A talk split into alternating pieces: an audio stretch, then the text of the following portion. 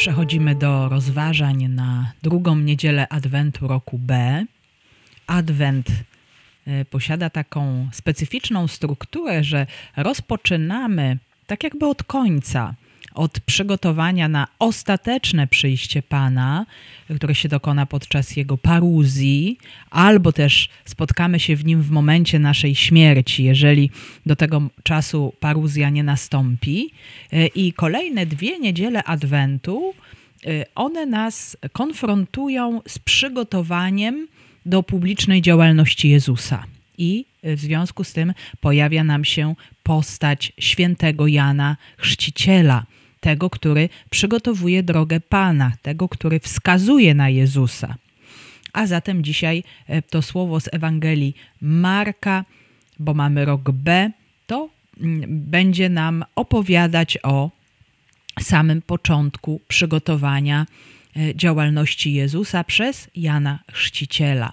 Będzie to Marek, rozdział pierwszy, wersety od 1 do 8.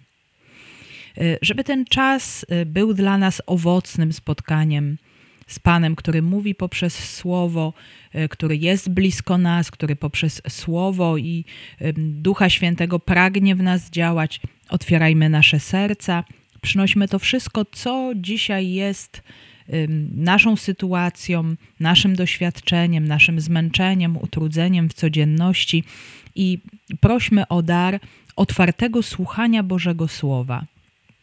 Panie Jezu Chryste, zmartwychwstały, Ty jesteś obecny w Kościele, w mocy Ducha Świętego, nieustannie objawiasz nam miłość Ojca. Prosimy Cię, Niech ten Duch Święty obecny w naszych sercach intensywnie działa dziś w nas, abyśmy mogli owocnie przyjąć dar Twojej miłości, Twojego słowa. Przyjdź o Duchu Święty, przyjdź mocy i słodyczy Boga. Przyjdź Ty, który jesteś poruszeniem i spokojem zarazem odnów nasze męstwo, wypełnij naszą samotność pośród świata, stwórz w nas zażyłość z Bogiem. Przyjdź, duchu, z przebitego boku Chrystusa na krzyżu, przyjdź z ust zmartwychwstałego.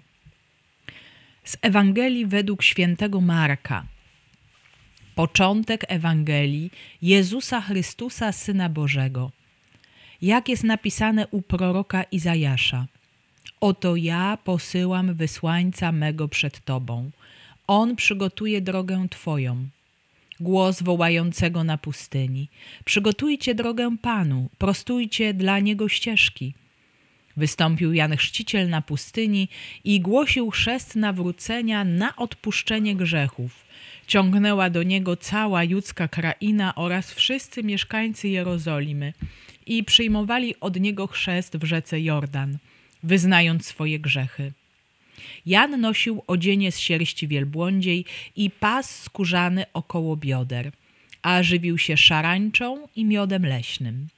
I tak głosił: Idzie za mną mocniejszy ode mnie, a ja nie jestem godzien, aby schyliwszy się rozwiązać rzemyk u jego sandałów. Ja chrzciłem was wodą, on zaś chrzcić was będzie Duchem Świętym.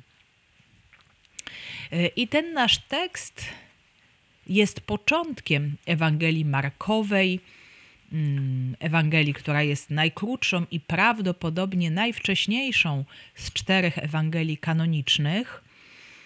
Święty Marek E, był zarówno towarzyszem świętego Pawła, ale też uczniem i sekretarzem świętego Piotra. I, I według zachowanej tradycji wczesnochrześcijańskiej, Ewangelia Marka miałby to być właśnie zapis wspomnień świętego Piotra. Nawet właśnie była ta Ewangelia określana jako pamiętniki Piotra. E, I mm, ona ma taką bardzo ciekawą strukturę, bo Y, nie ma w niej Ewangelii dzieciństwa. Rozpoczyna się od wystąpienia Jana Chrzciciela na pustyni, y, który przygotowuje publiczną działalność Jezusa. To będzie właściwie początek. Potem właśnie Jezus jest ochrzczony, przeżywa pokusy na pustyni i y, już następuje jego publiczna działalność. E, tak właśnie Ewangelia Marka nam się rozpoczyna. Następnie właśnie Jezus naucza, głosi początkowo w Galilei, nad jeziorem galilejskim, w Kafarnaum i w okolicy. I taki środkowy, centralny moment Ewangelii Marka to wyznanie Piotra pod Cezareą Filipową. I od tego momentu rozpoczyna się podróż Jezusa do Jerozolimy. Tam następuje jego męka, śmierć i zmartwychwstanie. I mamy właśnie na zakończenie epilog i jeszcze dodatkowe dłuższe zakończenie w rozdziale 16, wersety od 9 do 20. E, I ten schemat, ta struktura Ewangelii Markowej dla niektórych uczonych bardzo mocno wiąże się e, z karygmatyczną mową świętego Piotra, e, która miała miejsce w domu Rzymianina Korneliusza, to jest dziesiąty rozdział dziejów apostolskich. Właśnie ona ma podobną strukturę, że Piotr znajdując się w domu Rzymianina, on właściwie nie wie, co ma powiedzieć. Jest tą sytuacją wykreowaną przez Ducha Świętego tak niezmiernie zadziwiony, że zaczyna właśnie opowiadać o początkach działalności Jezusa, która była poprzedzona misją Jana Chrzciciela, chrztem Janowym, e, działalnością Jezusa, jego znakami, cudami, egzorcyzmami, w końcu jego męką, śmiercią i zmartwychwstaniem. Kładzie nacisk na świadectwo i jak sobie popatrzymy, to Ewangelia Markowa właśnie zawiera taki schemat. A zatem zaczynamy od samego początku. I właśnie ten początek rozpoczyna nam drugą Ewangelię, bo pierwszy werset brzmi następująco: Początek Ewangelii Jezusa Chrystusa, Syna Bożego. Pierwszy werset wprowadzający, jakby tytuł dzieła, streszczenie dzieła Marka, a jednocześnie zawiera w sobie niesamowicie dużo treści, bo ten początek oczywiście odnosi nas zarówno do Księgi Rodzaju, na początku Bóg stworzył niebo i ziemię, jak i później mm, tak samo zaczyna się Ewangelia Janowa, na początku było Słowo, i chodzi tutaj o ten bardzo szczególny, ważny punkt startu, punkt startu nowej historii. Wraz z przyjściem Jezusa Chrystusa rozpoczyna się nowy rozdział w dziejach ludzkości. To tak, jakby świat został stworzony na nowo. To jest też właśnie odniesienie do naszego startu, jakim jest początek życia chrześcijańskiego gdzie ono się rozpoczyna? Ono się rozpoczyna w Ewangelii, w dobrej nowinie, właśnie w tym słowie, y, które zostało ogłoszone, y, które było przekazywane przez całe wieki z pokolenia na pokolenie, y, aż w końcu ci, którzy nas poprzedzili, przyjmując Ewangelię, przyjmując wiarę chrześcijańską, tę wiarę nam przekazali. I to jest właśnie ta dobra nowina głoszona tam, gdzie panują złe nowiny. W czasach Jezusa mm, nowiny, te dobre nowiny dotyczyły zwycięstw Rzymu i sukcesów cesarstwa. I to słowo Ewangelia e, właśnie pochodzi z greki, to Ewangelion, to znaczy ta dobra nowina, dobra wiadomość i początkowo w Grece klasycznej u Homera i Plutarcha oznaczała nagrodę za dobrą nowinę, kiedy właśnie e, posłaniec mm, miał tę dobrą nowinę, na przykład o zwycięstwie w bitwie, przekazać. Czasami musiał biec bardzo długi e, czas. Było to bardzo mozolne, trudne, aby tę wiadomość przekazać, więc otrzymywał za to nagrodę. Później to słowo oznacza samą dobrą nowinę. I mm, było to wyrażenie no, szczególnie ważne właśnie w kontekście Imperium Rzymskiego.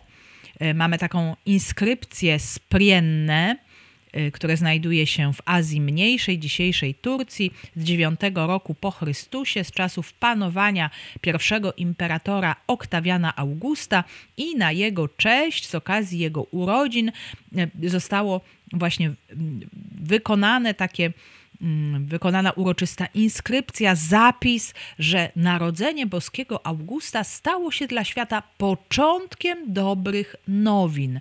Te nowiny miały dać całemu światu nowe oblicze, jakaś nowa era, jakiś nowy początek.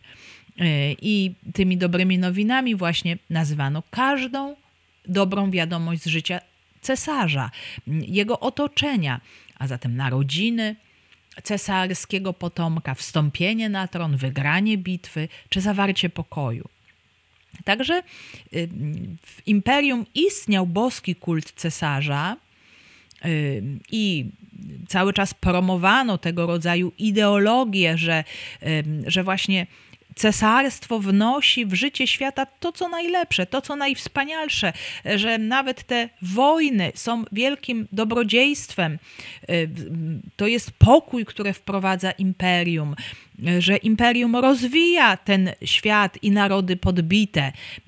No, oczywiście dla tych narodów to nie były dobre wiadomości. Bardzo często to były tragiczne, drastyczne wiadomości. A zatem właśnie użycie tego terminu tutaj w odniesieniu do Jezusa e, miało zasadniczo e, polemiczne znaczenie. Widzimy to również w Ewangelii Łukasza, czy również jeszcze inaczej e, odniesienie do ideologii imperium w Ewangelii Janowej. No ale właśnie rodzi się pytanie, co jest prawdziwą Ewangelią? Czy to, co słyszymy z kontekstu imperialnego, z dworu cesarskiego? Czy to są głoszone dobre nowiny dla świata, czy to właśnie Jezus? Jezus, Jego osoba, Jego dzieło, Jego Kościół e, głosi tą prawdziwą, najwspanialszą, dobrą nowinę, i to właśnie On jest prawdziwym Panem, prawdziwym władcą, e, zbawicielem tym, który ratuje ten świat. I sama Ewangelia, ten termin w dziele Marka pojawia się siedem razy. E, po raz pierwszy w tytule, właśnie, który sobie przybliżyliśmy. E, Jezus głosi Ewangelię, od tego rozpoczyna się jego publiczna działalność w Kafarnaum nad jeziorem galilejskim. Z powodu Ewangelii również traci się życie, opuszcza się dla niej wszystko ona ma być głoszona między narodami i o tej Ewangelii przypomina piękny gest kobiety namaszczającej Jezusa przed śmiercią, że gdziekolwiek będzie się głosić Ewangelię, będzie się wspominać również o niej. I na samym końcu uczniowie w nakazie misyjnym są wezwani, aby głosić Ewangelię wszelkiemu stworzeniu, czyli wszędzie i wszystkim. I mm, najwcześniej o Ewangelii e, czytamy w pismach świętego Pawła, w jego listach. On przede wszystkim odnosi Ewangelię do mm, zbawczego dzieła Jezusa Chrystusa, jego męki, śmierci i zmartwychwstania. I o tym czytamy na przykład w pierwszym liście do Koryntian w 15 rozdziale. Tam mamy zachowane najstarsze wyznanie wiary e, pierwotnego Kościoła. To jest właśnie ta Ewangelia, którą Paweł otrzymuje, którą przekazuje Koryntianom i zachęca ich, żeby w niej trwali, bo dzięki temu zostaną zbawieni. Właśnie Jezus został ukrzyżowany, umarł za nasze grzechy, zgodnie z pismem, został pogrzebany, zmartwychwstał trzeciego dnia. I do tego podstawowego, pierwotnego przekazu Marek dodaje jeszcze coś więcej, a mianowicie całe życie ziemskie Jezusa. Wszystko jest Ewangelią. Jego słowa, jego czyny, jego dzieła, no i też przede wszystkim jego osoba. ukazanie jego osoby y, już jest właśnie tą dobrą nowiną, bo Ewangelia jest to Ewangelia Jezusa Chrystusa y, i my możemy to zrozumieć na dwa sposoby, czyli Ewangelia, którą przynosi nam Jezus Chrystus, którą nam ogłasza właśnie to dzieło Boga, to zbawcze dzieło Boga, które Chrystus realizuje, przynosząc odpuszczenie grzechów, prowadząc do wspólnoty z Bogiem, lecząc chorych, przezwyciężając śmierć, zapowiadając królowanie Boga, czyli dzieło, które przynosi nam Jezus Jezus Chrystus, które ogłasza, które dokonuje, ale też tą Ewangelią jest On sam. Już nie tylko to, co czyni, ale właśnie on sam, ta historia o nim opowiedziana i jego osoba jest dla nas Ewangelią. E, I tak jak już przed chwilą wspomniałam, kiedy dalej czytamy Ewangelię Markową, e, to widzimy, że dokonuje się niejako utożsamienie tego orędzia e, głoszonego z osobą Jezusa, bo Jezus mówi: Kto straci swe życie z powodu mnie i Ewangelii, ten je zachowa. Czyli z powodu mnie, z powodu Ewangelii traci chrześcijanin, świadek życie i je zachowuje. Chodzi o to, że właśnie utożsamienie się z orędziem Jezusa no, doprowadza nas do utożsamienia się z Jego osobą. Ta Ewangelia jest Jezusem, to On jest tą dobrą nowiną, jest centralną treścią całego przekazu. Czyli właśnie Ewangelia dotyczy Jezusa Chrystusa, czyli i Jego osoby, i treści, które mówią o nie. I to imię Jezus no, to już jest, możemy powiedzieć, takie sedno Ewangelii, bo ono oznacza Bóg zbawia. I to jest ta dobra nowina. Y, to jest konkretna osoba, w której dokonuje się zbawienie człowieka. Y, Chrystus jest to tytuł y, oznaczający mesjańską godność, hebrajskie Maszyjach, pomazaniec, namaszczony. W języku greckim brzmi Christos. E, I właśnie to wskazuje, że Jezus jest wypełnieniem oczekiwań ludu pierwszego przymierza. Mm, w Ewangelii Marka Jezus jest ogłoszony Chrystusem, czyli Mesjaszem, bardzo uroczyście pod Cezareą Filipową. E, I, I co ciekawe, kiedy Jezus będzie wisiał na krzyżu, to właśnie ci, którzy będą szydzić z niego, będą domagali się, by zszedł z krzyża i właśnie w ten sposób udowodnił swoją mesjańską tożsamość. Zejdź z krzyża, a uwierzymy w ciebie. Jezus oczywiście tego nie robi, objawia swoją tożsamość w zupełnie inny sposób poprzez przyjęcie śmierci i poprzez swoje zmartwychwstanie. Jezus Chrystus jest również nazwany tutaj Synem Bożym. I w Ewangelii Marka e, stanowi to podstawę tak zwanego sekretu mesjańskiego, e, bo to jest właśnie ta najgłębsza tożsamość, gdzie Jezus jest nie tylko człowiekiem, e, nie tylko właśnie nawet Mesjaszem przeznaczonym do szczególnego dzieła Boga, działania w imieniu Boga, ale jest również Bogiem, jest Synem Bożym. I początkowo to tę synowską godność ogłasza podczas chrztu ojciec, ale w Ewangelii Marka ten głos ojca y, skieruje się tylko i wyłącznie do Jezusa, tylko do Jezusa docierają te słowa, y, a podczas publicznej działalności, kiedy Jezus wyrzuca złe duchy, te złe duchy rozpoznają tę godność, a Jezus gromi je i ukrywa swoją tożsamość, bo dopiero drogą y, objawienia się pełni synostwa Bożego będzie właśnie krzyż.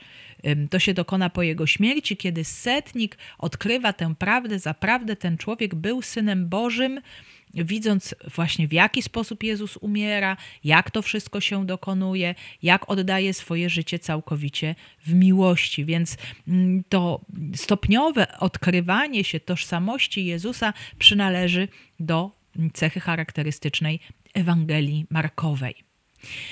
Jak jest napisane u proroka Izajasza, Oto ja posyłam wysłańca mego przed Tobą, on przygotuje drogę Twoją głos wołającego na pustyni: Przygotujcie drogę Panu, prostujcie dla niego ścieżki. E, I tutaj w Ewangelii Marka mamy odniesienie do proroka Izajasza, ale tak naprawdę e, tutaj mamy taki miks różnych tekstów, różnych możliwości, dwóch albo trzech odniesień. I, I, pierwsza część tego cytatu: Oto ja posyłam wysłańca mego przed Tobą. On przygotuje drogę Twoją, mm, no to właściwie może już się odnosić nawet do Księgi Wyjścia, 23:20 Oto ja posyłam anioła przed tobą, aby cię strzegł w czasie twojej drogi i doprowadził cię do miejsca, które ci wyznaczyłem. Tu mamy odniesienie do Boga, który prowadzi swój lud Izraela przez pustynię, ale jeszcze dokładniej jest to cytat z księgi proroka Malachiasza 3:1. Mm, Oto ja wyślę anioła mego, aby przygotował drogę przede mną. I tutaj właśnie Bóg posyła obiecanego proroka. To miał być Eliasz, nowy Eliasz, czy Eliasz miał właściwie powrócić, aby przygotować lud na przyjście samego Boga. To jest końcówka księgi Malachiasza, ostatniego z dwunastu proroków mniejszych.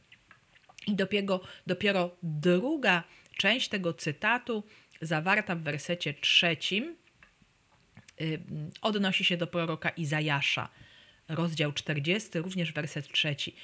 Głos się rozlega. Drogę dla Pana przygotujcie na pustyni. Wyrównajcie na pustkowiu gościniec naszemu Bogu.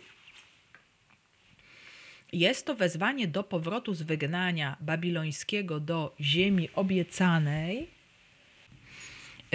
kiedy naród wybrany, kiedy elity Judy znajdowały się w Babilonii po upadku tego imperium, kiedy nadeszła epoka perska, otworzyła się możliwość powrotu do ziemi ojców, i wcale to nie było takie proste, bo ludzie się tam dobrze zainstalowali i nie chcieli wracać i zaczynać wszystkiego od początku. I właśnie dlatego e, prorok Izajasz w tej drugiej części księgi, zwanej Deutero-Izajaszem, począwszy od 40 rozdziału, zaprasza lud Boży e, do tego, aby wracał do ziemi obiecanej.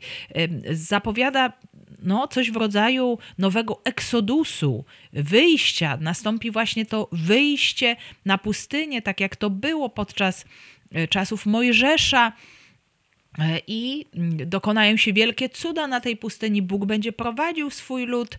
Natomiast oczywiście potrzeba tu przygotować drogę, prostować ścieżki w taki sposób oczywiście też, żeby to, co jest y, wyżyną, należy obniżyć, to, co jest jakimś dołem, należy podnieść. No to też się odnosi do e, sposobu życia człowieka.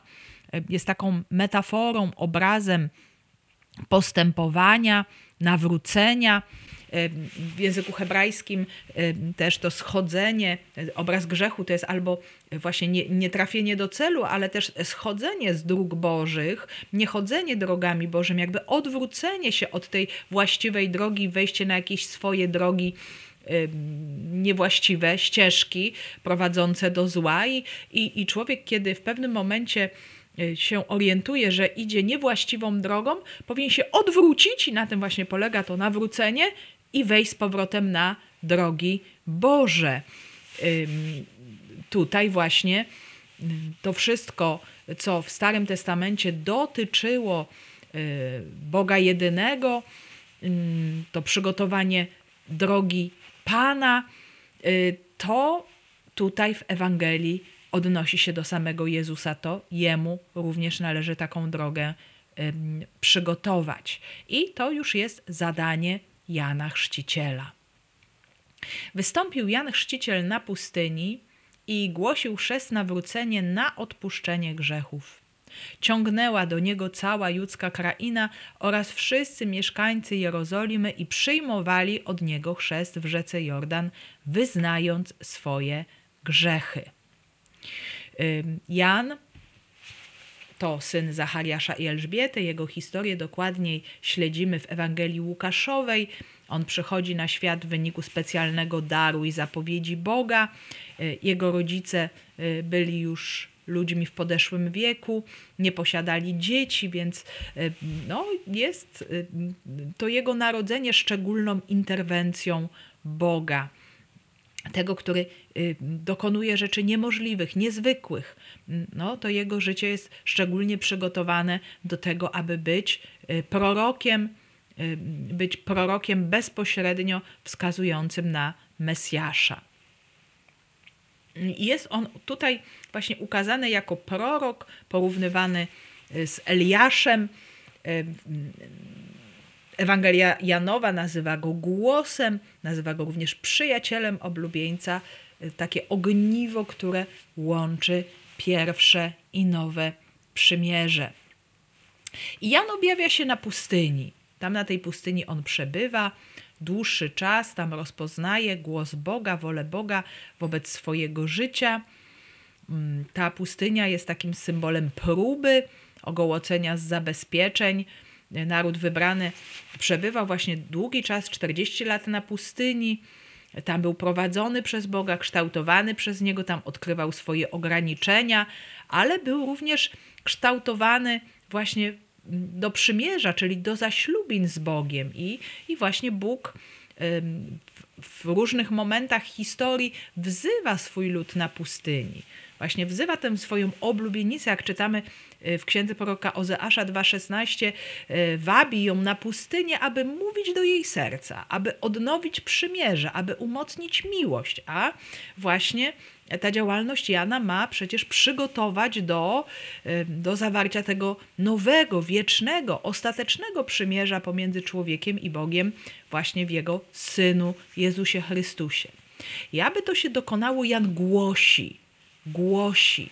Jest tutaj użyte słowo kerysso, które wyraża zadanie herolda, keryksa. Herold to była bardzo ważna funkcja w starożytności, ogłaszał przybycie władcy lub jego ważne dekrety. Jan jest właśnie takim heroldem, który wzywa, który głosi y, przyjście y, Mesjasza, że jest, jest to przyjście bliskie i aby ono mogło się mogło być owocne. E, to Jan właśnie wzywa, głosi e, chrzest nawrócenia.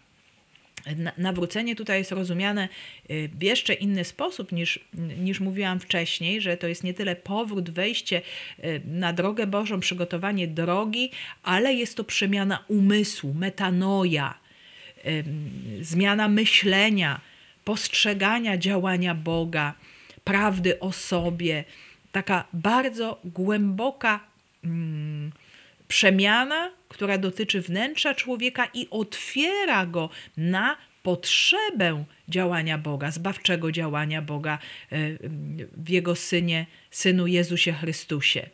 I znakiem właśnie tej przemiany umysłu, tego odkrycia potrzeby y, Zbawiciela, y, miał być chrzest. E, chrzest, dosłownie właśnie baptizma, e, oznacza zanurzenie, zanurzenie w wodach Jordanu. E, w judaizmie mm, istniał system licznych obmyć rytualnych, ale uwaga, właśnie te obmycia, one miały charakter rytualny po jakimś zanieczyszczeniu, który no niekoniecznie, czy raczej nie wiązało się e, z jakimś e, wymiarem moralnym człowieka, mm, a jedynie było jakimś problemem rytualnym, właśnie obmywano się. Bardzo często dokonywano różnego rodzaju obmyć, e, które przywracały człowieka do czystości rytualnej. Natomiast ten chrzest Janowy był czymś zupełnie innym, był czynnością jednorazową e, i e, chociaż no, nie stanowił odpuszczenia grzechów, bo to się dopiero dokonuje w Jezusie Chrystusie, to jednak on wskazywał, do czego ma prowadzić ta droga pokuty i nawrócenia do przygotowania się, do otwarcia się na to, aby przyjąć właśnie ten dar odpuszczenia grzechów od Boga, który objawi się w Jezusie Chrystusie. I temu miał właśnie służyć ten chrzest. Zanurzenie w wodzie to też jest taki symbol śmierci. Mówi właśnie ewangelista, że wszyscy przybywają do Jana przyjmują od niego chrzest w rzece Jordan, wyznając swoje grzechy, czyli się zanurzają w tych wodach. To jest właśnie symbol śmierci, że człowiek wyrzeka się tych grzechów, nie chce ich popełniać, chce, aby Bóg je y, odpuścił, y, chce rozpocząć jakieś nowe życie. Rzeka Jordan tutaj też odgrywa bardzo ważną rolę, bo to jest granica. To była granica ziemi obiecanej. Jan Chrzciciel głosił po drugiej stronie Jordanu, czyli to były tereny mm, biblijnej ziemi Moabu, dzisiejsza Jordania. E, e, z tego miejsca naród wybrany wchodził do ziemi obiecanej i właśnie e, to miało niesamowicie symboliczne znaczenie, bo, bo to miał być ten nowy początek. Mm, no, doświadczenie właśnie na nowo tego daru, tego, czym ten dar Boży, dar ziemi obiecanej miał być, a mianowicie miał być tym doświadczeniem wspólnoty z Bogiem, relacji. Ta ziemia Y, właśnie to moje miejsce na ziemi, to moje bytowanie, mm, to jest nie tyle właśnie jakiś konkretny miejsce, przestrzeń, ale ta moja więź Bogiem to zamieszkanie w Nim, w Jego łasce, w Jego duchu, w Jego miłości y, i i właśnie ta, to, to wejście do wód Jordanu, ono miało symbolizować, pokazywać właśnie tę gotowość człowieka na przemianę, na powrót do Boga, na przyjęcie zbawienia, które no, w Jezusie Chrystusie jest niczym niezasłużone. My nic nie robimy, aby ten dar zbawienia otrzymać. My w żaden sposób nie potrafimy, nie jesteśmy w stanie sobie na to zapracować, y, nic zrobić, aby to się dokonało. To jest czysty dar Boga. Dar, który mam przyjąć i mam zacząć nim żyć. To jest właśnie to wyzwanie, mm, to zaproszenie, które się tutaj y, pojawia. Marek mówi o chrzcie nawrócenia, właśnie dzięki przemianie wewnętrznego nastawienia myśli, człowiek ma się otworzyć na dar odpuszczenia grzechów, który się dopiero dokona w Jezusie Chrystusie. To może uczynić tylko Bóg. Woda właśnie symbolizuje gotowość bycia obmytym przez Boga. Także ludzie przybywają do Jana nad Jordan, wielkie tłumy. Też wiemy o tym, że Jan miał bardzo wielu uczniów, bo był osobą pełną Ducha Świętego, którego już otrzymał przed narodzinami, podczas nawiedzenia y, swojej matki Elżbiety przez Maryję. Także była to osobowość charyzmatyczna, odważna, y, przyciągająca ludzi. Przychodzili ludzie, wyznawali swoje grzechy. Oczywiście byli tacy, którzy przychodzili z ciekawości, albo też tacy, którzy chcieli mm, po prostu y, przyjrzeć się, co ten Jan robi czy nawet go w jakiś sposób skontrolować, o czym nam mówi też Ewangelia Janowa, ale wielu ludzi otwierało się właśnie na to zaproszenie, na to e, prorockie wezwanie, które Jan kierował e, do ludu, e, zapowiadając, że ta nowa rzeczywistość już jest blisko. Jan nosił odzienie z sierści wielbłądziej i pas skórzany około bioder, a żywił się szarańczą i miodem leśnym. To odzienie z sierści wielbłąda oraz pas skórzany to opis proroka Eliasza z. Tak czytamy w drugiej Księdze Królewskiej 1.8. Mm, to była jego cecha charakterystyczna, takie ubranie, e, które wskazywało właśnie na, na życie proste, ascetyczne, życie prowadzone na pustyni e, i właśnie Jan jako ten nowy Eliasz bezpośrednio przygotowuje przyjście Mesjasza. Też czytamy w Ewangelii Łukasza 7,33, że Jan nie jadł chleba i nie pił, nie pił wina, czyli prowadził takie bardzo proste, ascetyczne życie, był poświęconym Bogu Nazirejczykiem ta jego droga duchowa wyglądała nieco inaczej niż droga Jezusa. Wiemy, że Jezus e, przebywał z celnikami, grzesznikami, że z nimi ucztował. Mm, mm, ta jego droga była inna, natomiast Jan przedstawia taką drogę pustynnej ascezy. Miał inne pożywienie. Szarańcze zamiast chleba czy mięsa oraz miód leśny zamiast wina. I jedni widzą właśnie tutaj obraz ascezy, natomiast inni przedziwną zależność Jana od Boga i jego darów, czyli Jan żywił się tym, co Bóg mu zesłał na pustyni. Podobnie jak prorok Eliasz, który też był karmiony przez Boga. E, I, I swoją osobą Jan miał przypominać ludowi czas pustyni e, ten czas pustyni, który przygotowywał przymierze i dar ziemi obiecanej, że to teraz się dokona w zupełnie nowym wymiarze. Wraz z przyjściem Jezusa Boże obietnice wypełnią się. Lud otrzyma dar wiecznego przymierza, otrzyma dar życia wiecznego. I tak głosił idzie za mną mocniejszy ode mnie, a ja nie jestem godzien, aby schyliwszy się, rozwiązać rzemyk u jego sandałów. Ja chrzciłem was wodą, on zaś chrzcić was będzie duchem świętym. Idzie za mną. Chronologicznie, według czasu ziemskiego, Jezus następuje po Janie, chociaż wiemy, że w godności przewyższa Jana i tutaj chrzciciel stwierdza, on jest mocniejszy ode mnie. I dzięki łasce Jan odkrywa niezwykłą godność i moc przychodzącego.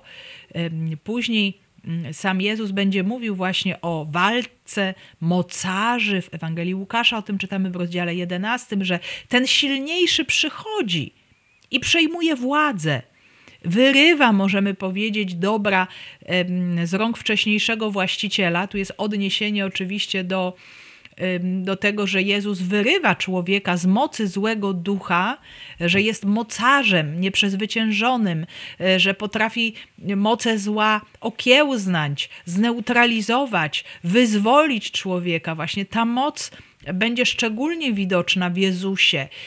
To jest też ciekawe w Ewangelii Marka. Pierwszy znak, pierwszy cud Jezusa to będzie właśnie egzorcyzm, uwolnienie człowieka z mocy zła. E, z mocy demona. E, I, to jest właśnie ten, ta największa moc Boga, która wyzwala człowieka, uwalnia go z tej mocy, w której człowiek jest bezsilny, jest słaby, od której sam uwolnić się nie może. Ja nie jestem godzien rozwiązać rzemek u jego sandałów. To było zadanie niewolników, aby rozwiązywać, zdejmować sandały, myć nogi swoim panom. I, a Jan uważa, że jest jeszcze niżej, że on nawet nie jest godzien być uczniem Jezusa, być jego niewolnikiem, e, uznaje jego wyższość, ale jednocześnie też widzi, że Jezus e, rozpoczyna jakiś nowy czas, nowy etap, a Jan jest jakby jeszcze krok wcześniej, że jeszcze przynależy właśnie do Y, pierwszego przymierza stoi niejako na granicy pomiędzy Starym i Nowym Testamentem, dobrze zna swoje miejsce i jednocześnie właśnie odkrywa wyższość Jezusa. Tutaj w Ewangeliach synoptycznych mamy rozwiązywanie rzemyku u sandałów. Sandały są w liczbie mnogiej, to rzeczywiście jest takie podkreślenie też pokory, uniżenia, sługi, niewolnika, więc pokora Jana tutaj nam wychodzi na pierwszy plan. Natomiast e, Ewangelia Janowa, o czym też jeszcze będziemy sobie mówić za tydzień, używa sandała w liczbie pojedynczej, co posiada taki piękny, e, oblubieńczy wymiar, właśnie odnosi się do metafory oblubieńczej w prawie lewiratu. Ten, kto zdejmował sandał, z nogi no, tego, który powinien poślubić wdowę, przejmował niejako nad nią władzę, stawał się prawowitym oblubieńcem, mężem, a Jan jest właśnie tym, który, który nie jest godzien. To nie jest jego zadanie, to nie jest jego miejsce, aby ten sandał zdjąć, czyli aby stać się y, Mesjaszem, oblubieńcem, Y, no, tym, który y, wprowadzi ten lud w przymierze, czyli ten lud poślubi, no bo oblubieńcem jest właśnie Jezus.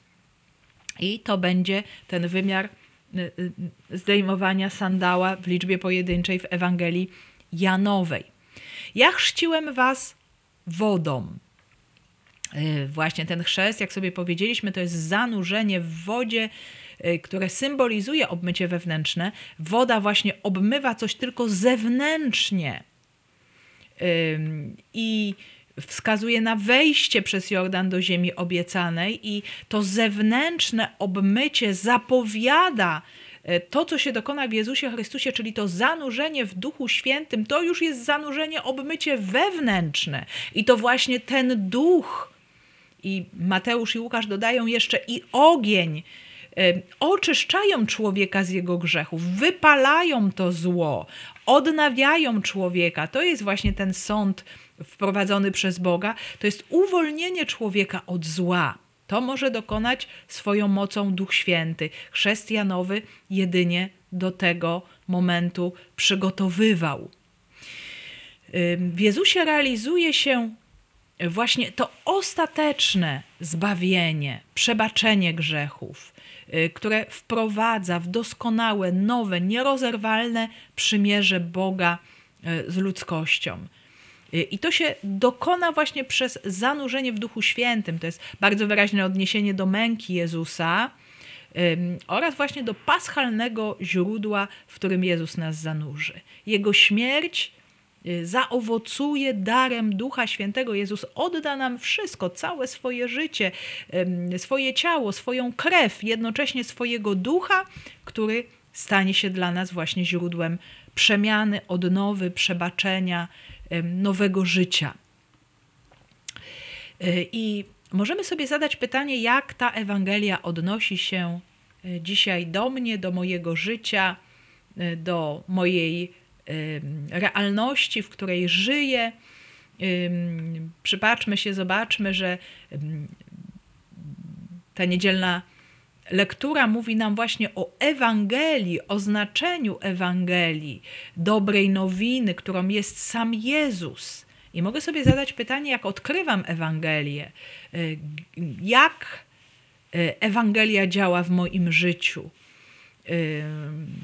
jak ona jest zastosowana w moim życiu, czy widzę jej moc, czy widzę jej wartość, e, czy potrafię się tą Ewangelią dzielić, e, jak ją przeżywam w codzienności mojego życia.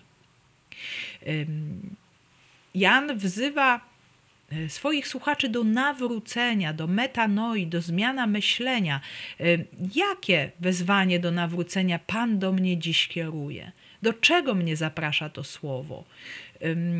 Jaką, jakie wyrównanie mojej drogi życia ma się dokonać właśnie podczas tego adwentu.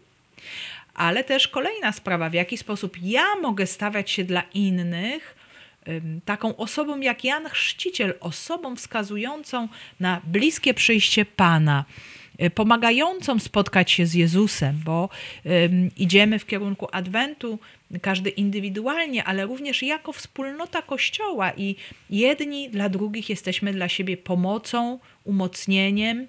Y, mamy być właśnie dla siebie świadkami Ewangelii. Jeżeli spotykam Jezusa w moim życiu, jeżeli doświadczam mocy Jego słowa, Jego działania, to właśnie również w tym celu, aby mógł się spotkać z Jezusem Chrystusem y, drugi człowiek, który jest obok mnie.